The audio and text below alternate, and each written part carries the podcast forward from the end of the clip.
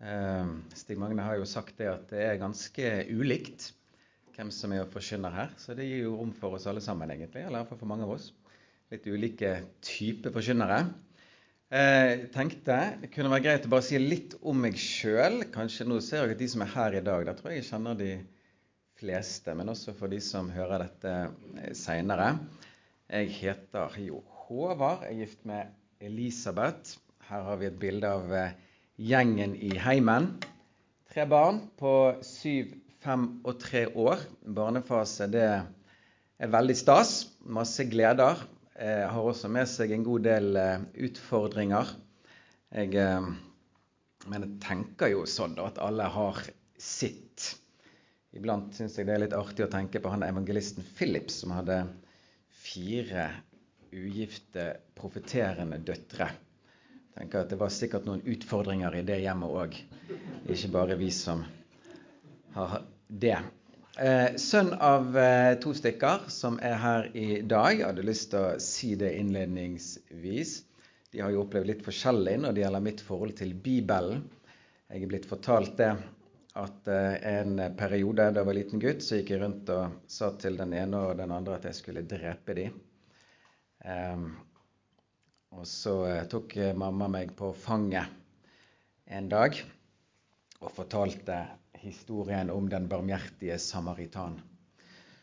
Og eh, Saken er den at den historien den beveget meg altså så mye at tårene visstnok trillet. Det hadde nådd inn. Yes! I alle fall til et visst punkt. For eh, da hun var ferdig, så utbrøt jeg, grepet og opprørt, jeg skal drepe alle som ikke er barmhjertige. Ja. Så, men jeg tror òg at eh, de har sporet at en uh, utvikling har funnet sted i mitt liv når det gjelder forhold til Bibelen. ønsker jeg å si litt mer om. Men jeg kan bare kort nevne også at jeg har studert arbeids- og organisasjonspsykologi. Gjorde det i 20-årene mens jeg ledet Kanalu, Krishingens ungdomsmiljø, som på den tiden telte pluss-minus 150 ungdommer. Det var et stort og flott miljø. Takket jeg ja til eldstetjeneste i 2007. Så var eldste i over 15 år, eh, faktisk. Eh, bortsett fra to, år i, eller to og et halvt år i Oslo, da jeg jobbet i den jødiske barnehagen. Jeg kommer tilbake til det også. Sa ja til kallelse som ble pastor her i Kristkirken i 2012. Etter at menigheten da hadde vært uten pastor i fire år. Og kanskje litt ekstra i disse dager, nå som Reidar er gått bort, så har jeg reflektert ganske mye over hvorfor Reidar i sin tid utfordret meg på å bli pastor i, i Kristkirken, for jeg er jo veldig annerledes enn Reidar. Um, faktisk, og dette er det ikke så veldig mange som vet, tror jeg, men allerede i 2007, da jeg var 27 år, så kalte Reidar meg inn på teppet og utfordret meg på å bli forstander. Uh, og jeg sa til han at det ikke er jeg klar for. Så uh, jeg skulle uh, liksom be over det. Så møttes vi igjen, og jeg sa det at jeg har fått ro for å takke nei til dette. Og hvor Reidar da sier til meg 'Jeg tror du har hørt feil'. Gå hjem og be på nytt, sa han. Så det gjorde jeg. Jeg gikk hjem og ba på nytt i to uker og kom tilbake med akkurat samme svar. Men eh, Så jeg kan jo iblant lure når han til og med spør meg når jeg er 27 år ugifta, om han egentlig så liksom målrettet etter en som kom til å få stort behov for å be til Gud. Og eh, stå sammen med eh, mange andre bra folk. I så fall har han truffet veldig bra, da. Hvis man så etter en med behov for både Gud og andre. Så, men eh, jeg er takknemlig for å kunne få lov til å tjene, og takknemlig for å kunne få være her i dag. Jeg ønsket å si litt innledningsvis faktisk om min historie med Bibelen. Eh, dere vil skjønne litt etter hvert hvorfor jeg begynner, eller hvorfor jeg går ut der. Det er en fortelling som kan eh, inndeles i fire epoker, fordelt på fire tiår.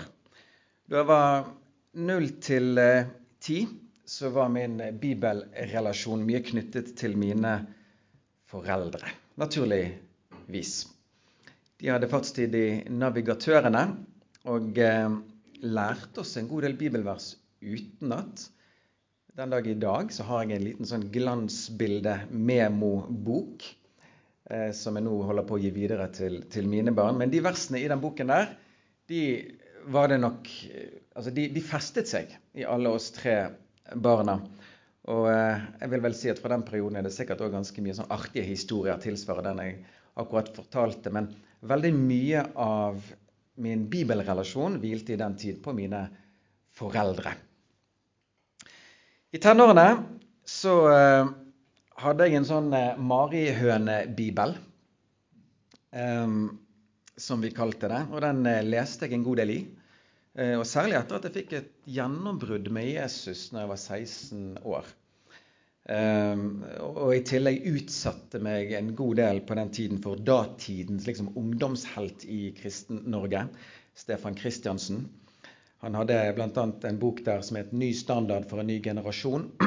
og strakk oss en god del, vi som, som, leste den boken. Sa sånne ting som at det handler ikke om hvor likt du kan leve verden og fortsatt være en kristen, men hvor lik du kan være Jesus mens du er på jorden. Også videre. Og han trakk mange av oss med seg inn i et litt sånn overgitt og innviet kristenliv. All in, liksom. Så Bibelen ble viktig for meg eh, i denne perioden, og om foreldre var stikkord i den første eh, epoken der, så er kanskje personlig forhold stikkord for epoke nummer to. Det andre tiåret der. 20-årene mine, altså det tredje tiåret, fikk en bibel-pangstart, vil jeg si. Da jeg først fikk en eh, ny bibel, norsk studiebibel av Toralf Gilbrandt og co. Har, den, jeg bruker den dag i dag. Jeg gikk på bibelskole eh, i 2001-2002, et eller annet der. Eh, og der opplevde jeg å bli såpass fortapt i Skriftens dybder at jeg eh, året etterpå studerte Bibel på egen hånd. Det krevde litt disiplin, eh, men jeg lagde egne skoledager, faktisk eh, hjemme. Og så jobbet litt av og til på et bakeri på nattestid for å tjene til livets opphold. Men eh, studerte Bibel på egen hånd og, og jobbet i, liksom frivillig i Kanalu da, det, det, i den tiden der. Og eh, I 2003 så ble jeg spurt om å lede Kanalu. Og de neste årene, hvor jeg òg var i den si, enslige stand som jeg var i 20, mye i 20-årene, så brukte jeg mye tid i Bibelen. Så stikkordet i første epoke var gjerne foreldre. Stikkordet i andre var personlig forhold. Stikkordet i tredje tiår for min del var nok forelskelse. Masse, masse tid sammen, Bibelen og jeg. Faktisk så sov jeg med Bibelen i 20-årene. Det, det, er faktisk en litt spesiell historie som vi kan fortelle en annen gang, men det var en grunn til det.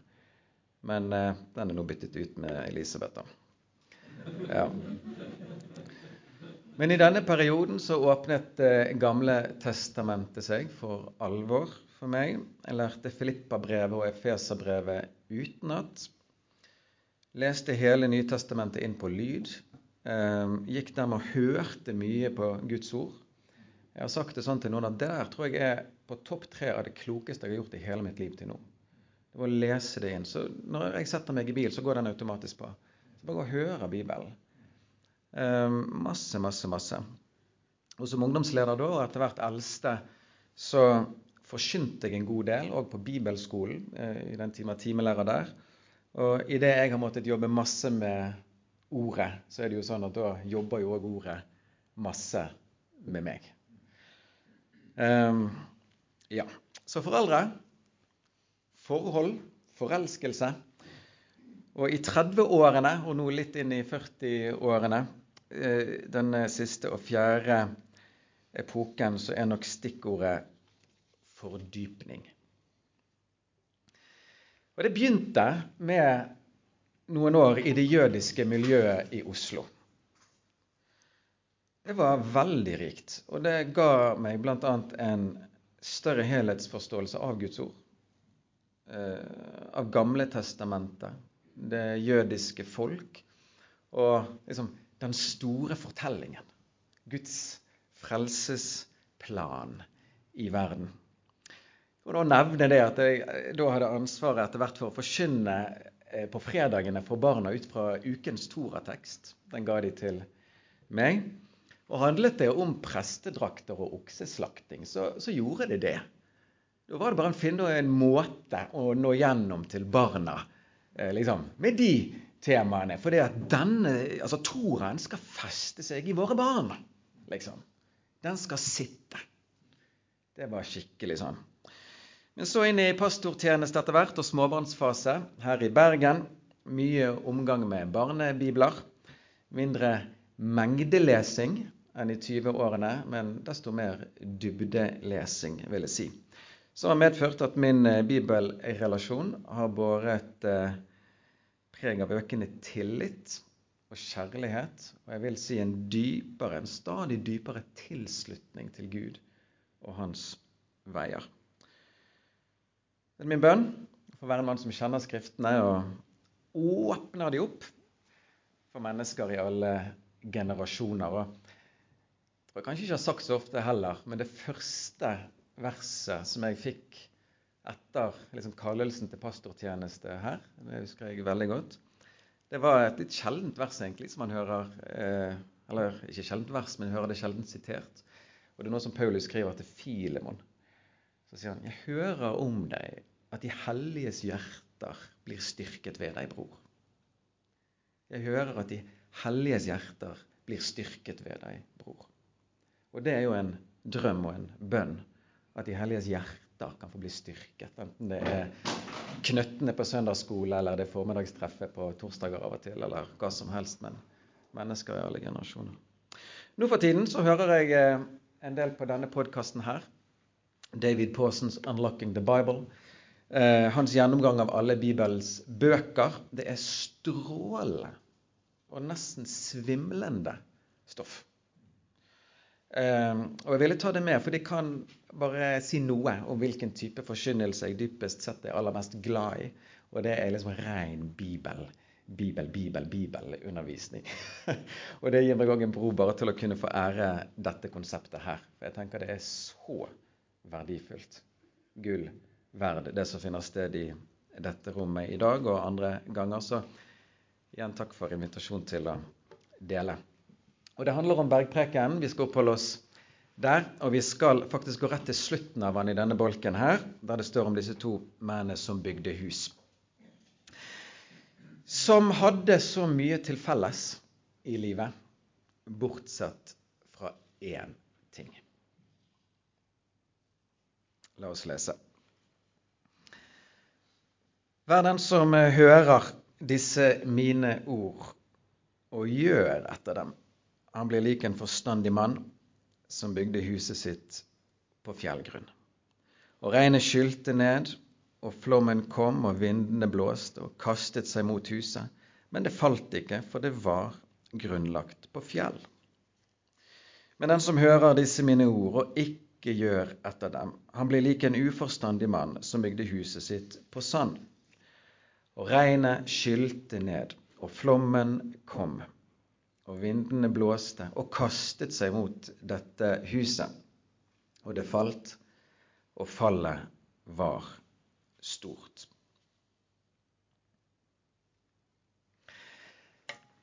Vet, nesten alt er identisk for disse to karene. Begge bygget hus. Begge klarte seg greit når livet var greit. Begge opplevde plutselig ekstremvær. Kanskje vi kan kalle det for katastrofer. Merker oss at slike ting rammer både de som eh, har huset på fjell, og de som har huset på sand. Ingen forskjell der. Men likt for de begge var det at når stormen kom, så var det unntakstid og ikke byggetid. Da var det bare å stole på det arbeid som var gjort tidligere. Men én ting var altså fundamentalt ulikt for disse to husene, nemlig fundamentet. Og Det skal vi se på sammen. Men for å komme dit så vil jeg ta dere med på en annen utviklingsreise som har funnet sted i mitt liv. Eh, og det er nemlig mitt forhold til denne lignelsen. Eh, og med litt eh, godvilje så kan vi legge inn denne utviklingen Legge liksom inn etappene inn i de fire epokene jeg allerede har nevnt om mitt forhold til Bibelen. Og du vet, som alle er klar over altså Over tid, når du utsetter deg for Guds ord, så vil du oppdages at det er bare helt uendelige og utømmelige dybder. Altså lag på lag på lag på lag med stadige oppdagelser og åpenbaringer. Så når du trodde at du hadde liksom, funnet det som var å finne på det stedet, så var jo ikke det sånn. Eh, det vil alltid være mer der, og det er fordi Guds ord lever. Så derfor vil det være sånn at du vil kunne se ting i dag som ikke du fikk øye på i går. Alltid spennende med dykking.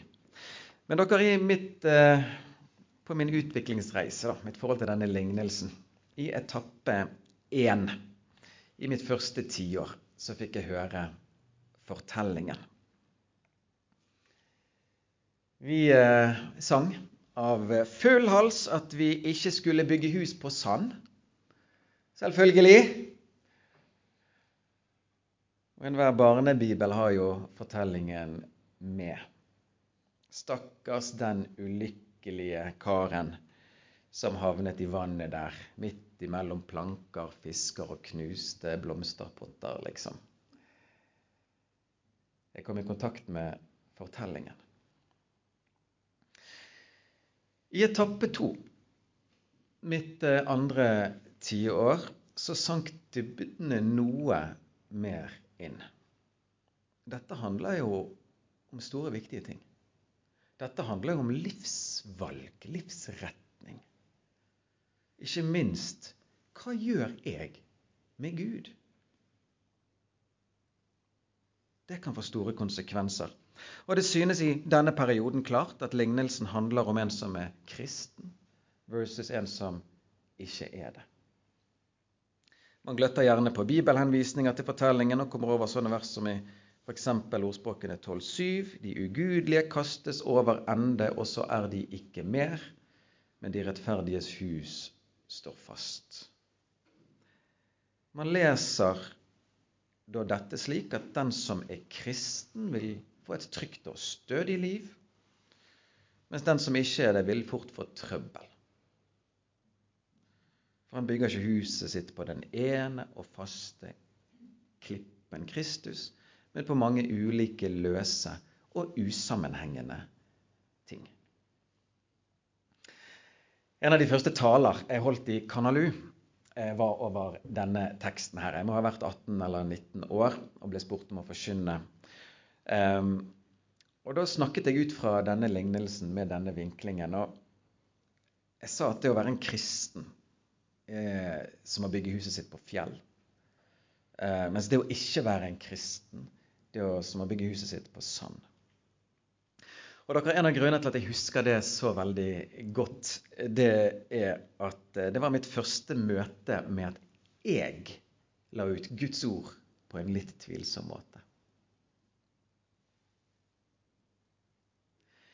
Jeg innså i ettertid at jeg hadde brukt disse to husene til å få fram mitt poeng den kvelden. Mer enn at jeg forkynte teksten og ordet sånn som det egentlig lød. Jeg ergret meg ganske lenge over det, for i forberedelsene så jeg veldig klart at det sto noe om å gjøre. Men det så jeg for seint i forberedelsene, og nå var budskapet kommet så langt at uh, det der fikk vi heller vekte en annen gang. Tror ikke jeg den talen var skrekkelig og grufull, men jeg husker dette veldig godt. Jeg hoppet jammen meg bukk over Jesus sitt hovedpoeng. Det ga meg like fullt verdifull læring, og bidro òg til å lede meg inn i etappe nummer tre som fant sted i 20-årene. Det gikk opp for meg at historien er jo brådyp for oss som tror. Dette handler jo ikke om kristen, ikke kristen. Dette handler om hvorvidt vi er villige til å handle på, og ikke bare høre på, Guds ord. Wow. Salme 119, 112 ble et kjernevers for meg. Jeg har bøyd mitt hjerte til å gjøre etter hans forskrifter. Og mange lignende ord i Skriften sto mer og mer for meg. Jakob sier at vi må være ordets gjørere, ikke bare dets hørere. Jesus ber oss om å lære andre å holde alt det han har befalt, ikke bare lære hva han har befalt. En annen gang sier han i en samtale at de som gjør min himmelske fars vilje, ja, han er min bror og søster og mor. Parentes Jesus sjøl gjør jo sin fars vilje. Så han kjenner slektskap med de som gjør likedan. Johannes 7, 17, Om noen vil gjøre Guds vilje, da skal han kjenne om læren er av Gud, eller om jeg taler av meg selv. Og ikke minst fra bergpreken, rett før denne lignelsen som vi ser på i dag. Ikke enhver som sier til meg, Herre, Herre, skal eh, komme inn i himlenes rike, men de som gjør min himmelske Fars vilje. Flere tilsvarende vers kunne vært nevnt. Og Vi har jo hatt det litt oppe her allerede i dag.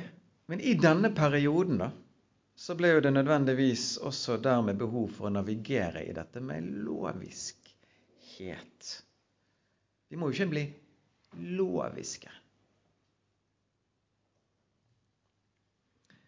Sverre Bø, professor ved Fjellhaug internasjonale høgskole, sa en gang følgende om loviskhet. Det er ideen om at jeg skal imponere eller sjarmere Gud med egenprodusert rettferdighet. Sitat slutt. Så om man gjør ting for å få Guds gunst, da er det lovisk. Men om det handler på Hans ord fordi du har tillit til Han, da er jo ikke det lovisk. Da er det visdom.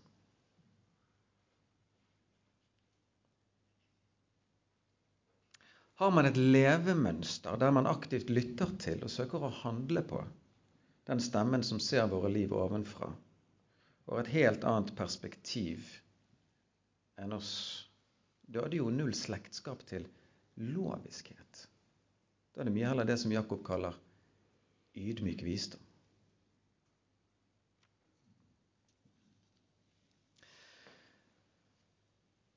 Det kan nå tas med at eh, jeg i denne perioden begynte å øyne likhetene mellom eh, lovgivningen via Moses på Sinai og bergpreken. Også det berørt tidligere i dag. Men ok, begge deler skjedde på et fjell. Begge deler ble primært overgitt til grupperinger som Gud først hadde tatt til seg, og også regnet som sine. tok de avsides. Begge grupperinger fikk da òg framlagt såkalte livslover tidlig på sin reise. Begge deler har til formål å fremme bevissthet om synd. Men likt for begge er jo at de ikke kun har dette formål. Det er òg ment for etterlevelse, overholdelse. Og dermed den siste likhet jeg vil nevne, blant sikkert mange flere. Og det er at begge fremlegges for mennesker som så gis muligheten til sjøl å kunne velge.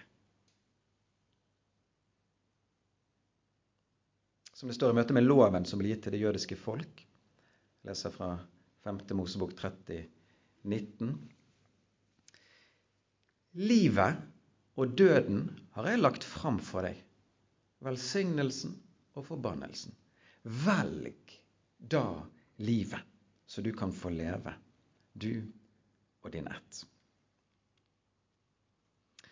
Gud taler og gir samtidig frihet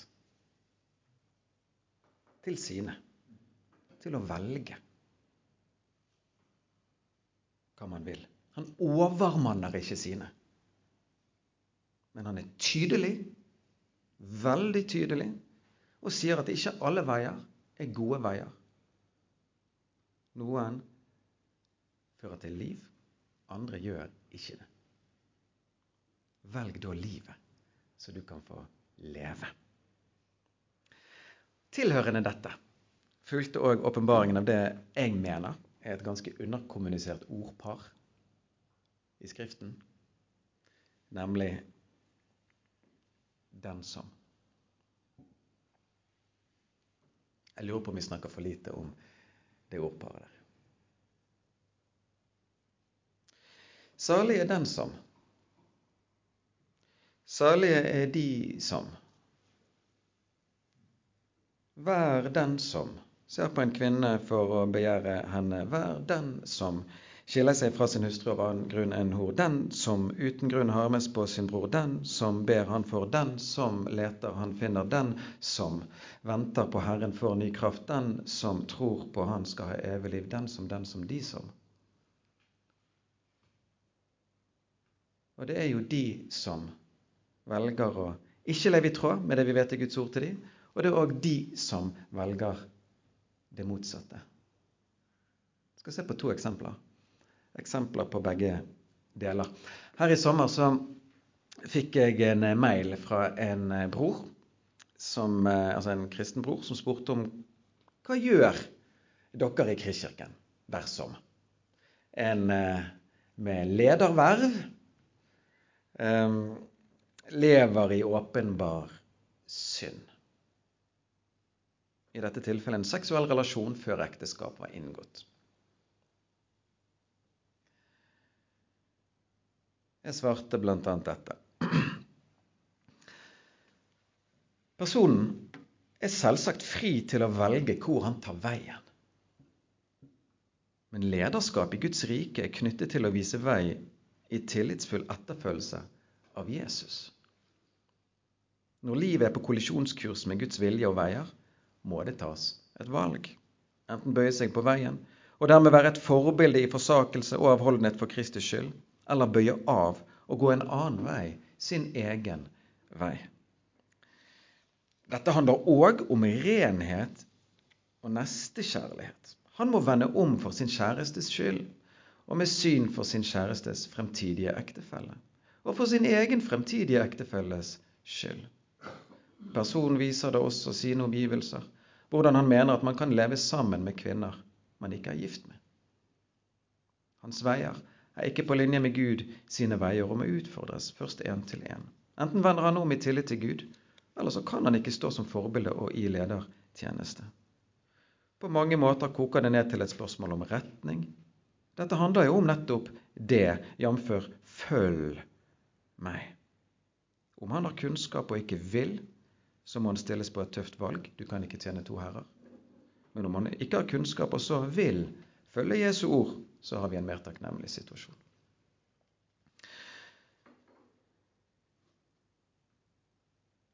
Vi har jo vært inne på det tidligere her i dag. Det er en umulighet for oss å totalt etterleve alt av Jesu ord. Men det er en mulighet å ta valg i den retningen.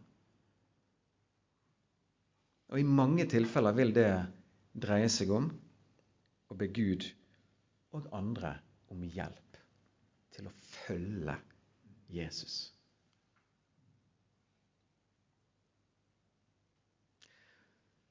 For det er mulig å ta valg i tråd med Jesu ord. som en god venn av meg, og la meg få trekke fram et annet Det er da andre eksempelet her, som har valgt å leve i tråd med Guds ord til han midt i tåke, storm og turbulens. Han opplevde at konen gikk fra han. Dette er nå ca. 15 år siden. Og Jeg har bare lyst til å smette inn nå før jeg fortsetter akkurat her, at jeg har med det jeg sier nå, ikke til hensikt å navigere i det som har med skilsmisse og gjengifte å gjøre. At jeg mener at skal man dit, så fortjener det en mye ømmere og grundigere belysning enn det vi gjør eller har her. Men, men, men, bli med meg og lytt til det dypere poenget, og her, her, som vi er på vei akkurat nå i dag. For i vår bror så avleser vi et liv som beveger seg Altså som ikke beveger seg på en lett sti,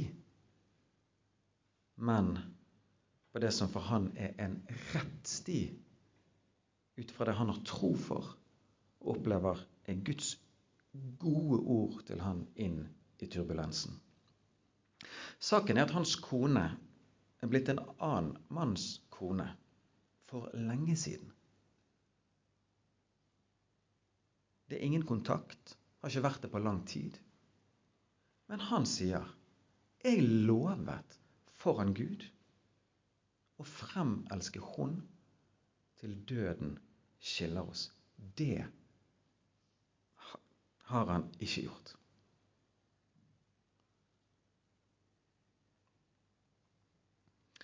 Hun holder ikke sin del av pakten, men jeg vil like fullt holde min. Og jeg mener, sier han, at hensikten med ekteskapet dypest sett er å hjelpe den andre til det evige livet med dennes far og skaper. Jeg lovet Gud og hun å stå med hånd i gode og onde dager. Dette er noen av de onde. Så hans ja over hennes liv, som ble sagt en gang der i kirkelokalet, det runger enda. Hun vet neppe om hans valg, men han elsker hun ved å be for hennes liv hver dag. For en tid tilbake skulle han og jeg ut og fiske sammen på Sotra. Jeg hadde noe jeg ønsket å ta opp med han. Kjente på det utfordre han midt i hans radikale liv og vandring. Hva om hun aldri kommer tilbake? Han kom meg i forkjøpet i bilen på vei utover. Så sier han at han har fått en sånn frihet i møte med dette om hun kom tilbake eller ikke. For jeg kjemper ikke for å få leve i samliv med hun igjen. Mitt fokus er hennes frelse. Og lønn, den får jeg kanskje ikke på denne siden av døden. Kanskje kommer den på andre.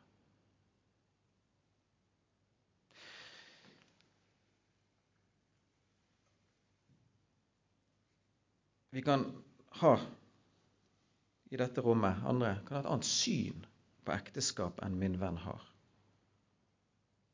Hans syn er gjennomradikalt. Sterkt og vakkert, vil jeg si. Men når han forstår Guds ord som han gjør det, så er det vanskelig å uansett ikke bli med i beundringen av hans rutevalg. Er det loviskhet? Nei, det er tillit. For hans del òg ærefrykt, ærbødighet, lydighet. Gjør han det for at Gud skal like han mer? Nei, han gjør det fordi han liker Gud. Og stoler på han. La meg bare smette inn. Denne vår bror er ingen svevende type og en dagdrømmer. Han er en jordnær, realistisk mann som hver dag kommer i nærkontakt med valgets krevende sider. Men han er en som ikke bare hører på, men handler på.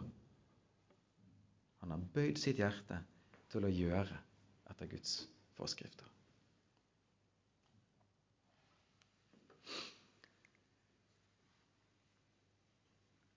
Jeg leste en gang eh, om en jagerflypilot som sa at eh, noen ganger i luften, så kan eh, turbulensen bli så kraftig at flyet går opp ned. Men så sa han det skumle er at det ikke føles slik.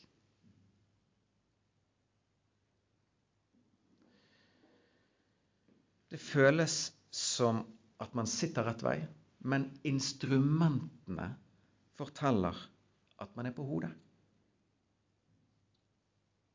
Da er det viktig, sa han, at vi har lært å stole på instrumentene, og at ikke vi navigerer etter det vi sjøl føler.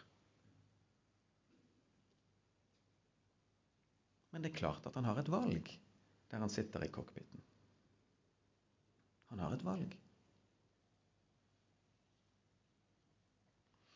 Jeg tenker dere at dette her, i møte med denne lignelsen, her er vi i berøring med det som nødvendigvis må være etter Jesu hovedpoeng. Fundamentet består jo i dette at man før stormen har innebygget et levemønster. Der man lytter til Guds ord og handler på det. Da vil man, når man ikke ser så klart i tåken, få veiledning av en stemme man er vant til å stole på. En stemme som ser ting ovenfra og har helt annet perspektiv enn oss sjøl. Og når det finnes en sånn stemme, da, i livet, så trenger man heller ikke frykte kommende stormer like mye. For den vil lyde også der.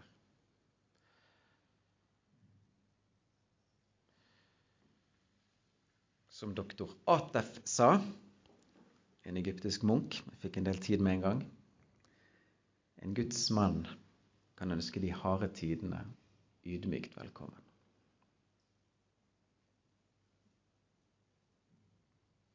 Derfor er det visdom å høre og gjøre.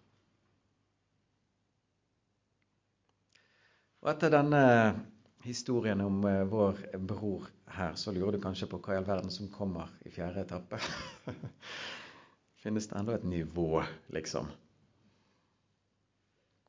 Ja. Jeg har bare lyst til å smette inn en sak eh, før vi var løs på etappe fire.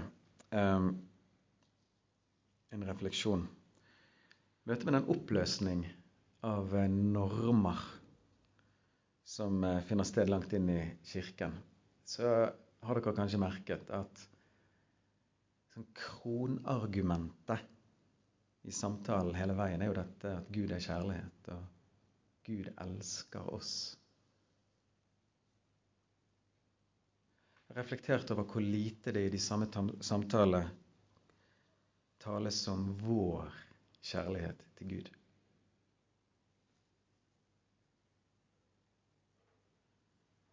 Det er fordi vår kjærlighet til Gud synes ved at vi holder Hans ord.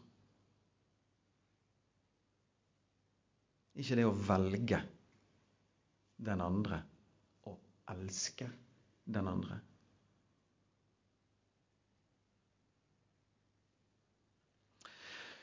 Når Jesus sier at man eh, ikke kan elske sin familie mer enn han, så handler jo ikke det om hva følelser som fra tid til annen kan melde seg. Det handler om noe dypere og jeg vil si vakrere. Det handler om hva som foretrekkes i valgsituasjoner. Mener, hva, hva dyp tilhører ikke dette? Gud, mine følelser kan hoppe og sprette, men du har mine valg. Jeg syns det er fantastisk å si til Elisabeth. Du har mine valg. Hallo! Det er brådypt. Tenk å kunne få høre det. Tenk å kunne få si det. Du har mine valg.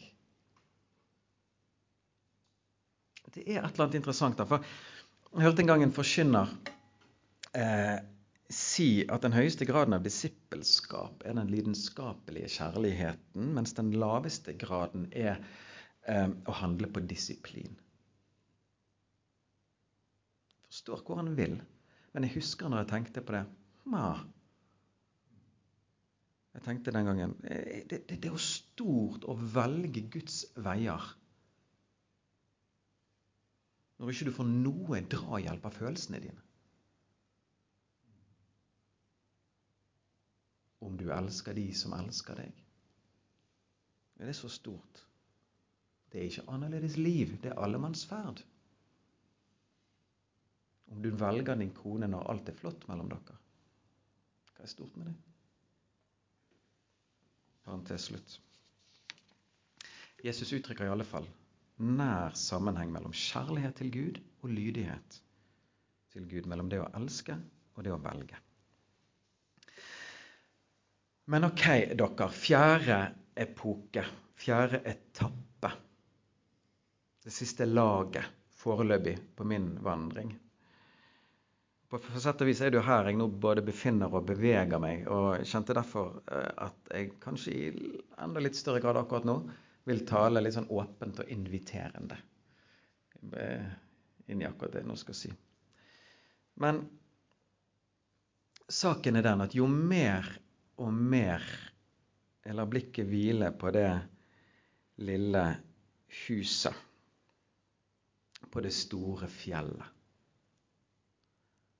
så går tankene oftere og oftere til Salme 1.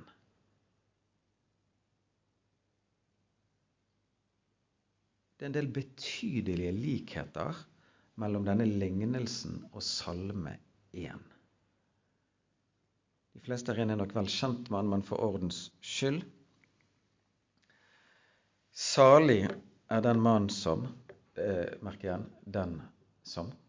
Den mann som ikke vandrer i ugudelige folks råd, ikke står på synderes vei og ikke sitter i spotteres sete, men har sin lyst i Herrens lov og grunner på Hans lov dag og natt.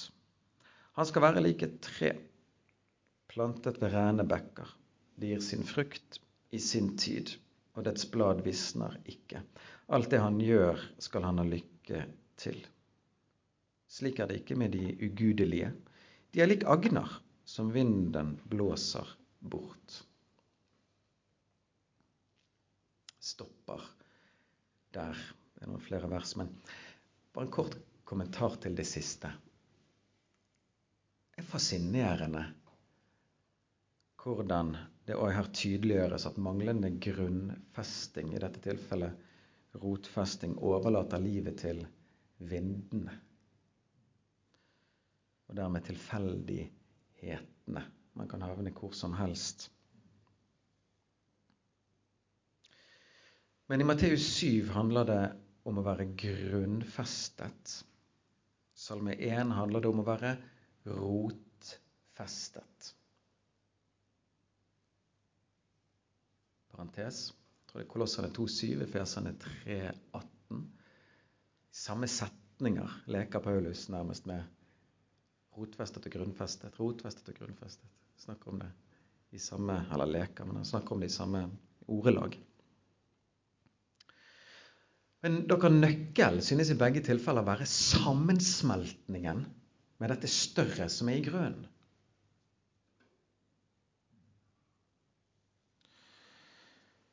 Og det som om jo mer og mer vi lar blikket hvile på huset og treet, så ser vi at hemmeligheten til dets stødighet, eller fruktbarhet, er foreningen med, sammensmeltingen med grunnen.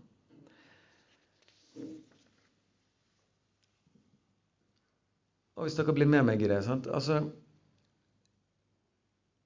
Jo mer og mer man står og ser på de bildene der, og ikke bare øyne to separate ting, men noe sammenhengende De kan få utgjøre noe uatskillelig. En uatskillelig enhet, en uatskillelig helhet. Jeg i ordet. Ordet i meg.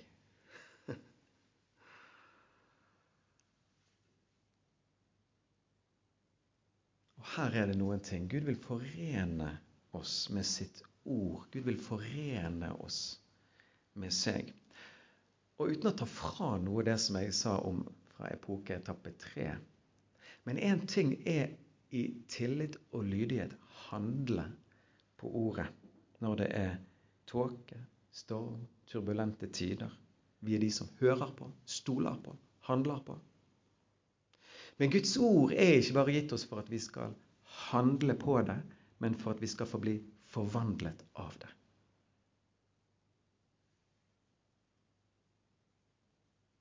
En ting er å utsette seg for ordet. En annen ting er å innarbeide det.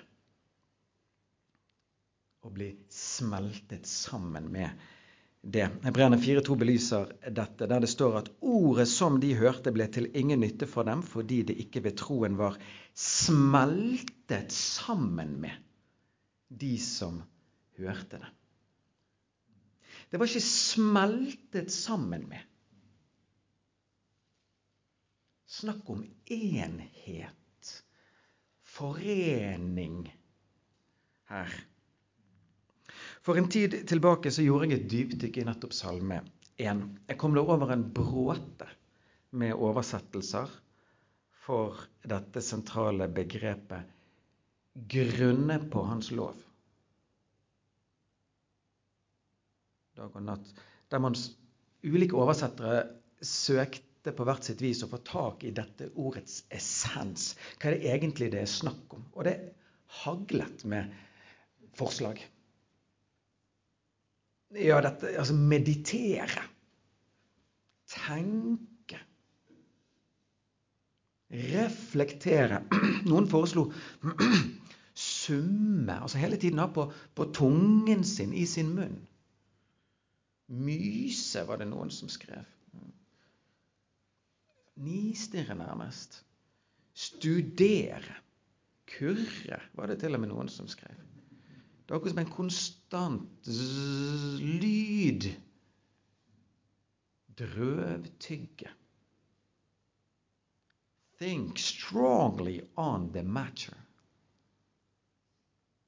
Og jeg siterer nå fra mine egne bibelnotater i en bok. Interessant. Ikke én gang står det, eller finner jeg, noe om å bare lese. Det står altså ikke noen steder at salig er den som har sin lyst i Herrens lov og leser Hans lov dag og natt. Nei, det er dette arbeidet med det. La oss kalle det innarbeiding. Salig er de som innarbeider ordet i livet slik at det blir en del av en. At det blir en del av ens liv, en del av ens indre. Salig er de. Ja, there it is, avsluttet det med å skrive der. Sitat slutt. Slik at det blir en del av, slik at man blir forenet med, blir ett med. At det blir en uatskillelig del.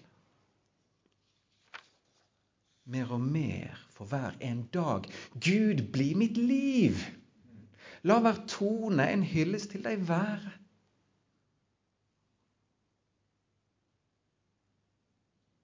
Innarbeiding dere tar nødvendigvis noe mer tid enn bare lesing. Men alle som har peiling på fundament, som har jobbet med grunnfesting av et hus eller rotfesting av et tre, vet at dette er ikke stedet for snarveier. Man kan ikke jukse med selve festepunktet. Det som skal sammensmelte det hele med grunnen byggverket. Treet skal få bli ett med dette større som det er festet i. Det tar tid, men det er god bruk av tid, for det står seg over tid. Da vil vi erfare at Guds ord ikke bare er gitt for at vi skal handle på det, men for at vi skal bli forvandlet av det går mot avslutning her nå. Guds ord, står det, virker med kraft i de som tror. Guds ord er levende og virksomt, virker kraftig. Spennende vers i Hebreerne 4 der. Hør hvordan det griper inn i kroppene våre, trenger gjennom, trenger inn. Gjør sitt verk smeltes sammen med. Og dere, det er noe med denne tilførsel her i denne epoken min av fordypning, da. Med både Bibel og denne lignelsen som jeg dras mot, trekkes mot, fascineres inderlig av, og som vi særlig avleser i dette treet i Salme 1. Det skjer en tilførsel her. Og da tror jeg vi settes veldig på sporet av det Jostein nevnte i sted. Gud vil forme oss til, karakter, altså, til å ha en karakter som er i overensstemmelse med sitt ord, så klart. Etterlevelse av Jesu ord blir da frukt.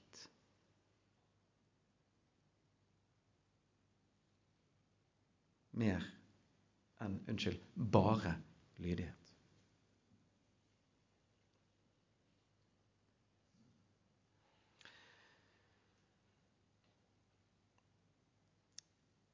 Så for å ta et lite postludium her, da. Så handlet det for meg først om å bli kjent med fortellingen. Dernest om å se at mitt forhold til Gud har store konsekvenser for livet mitt. Så må du se at kristenliv ikke dreier seg om å høre på bare, men å tillitsfullt handle på. Før det i etappe fire avdekkes at ordet handler om mer enn handling. Det handler om forvandling.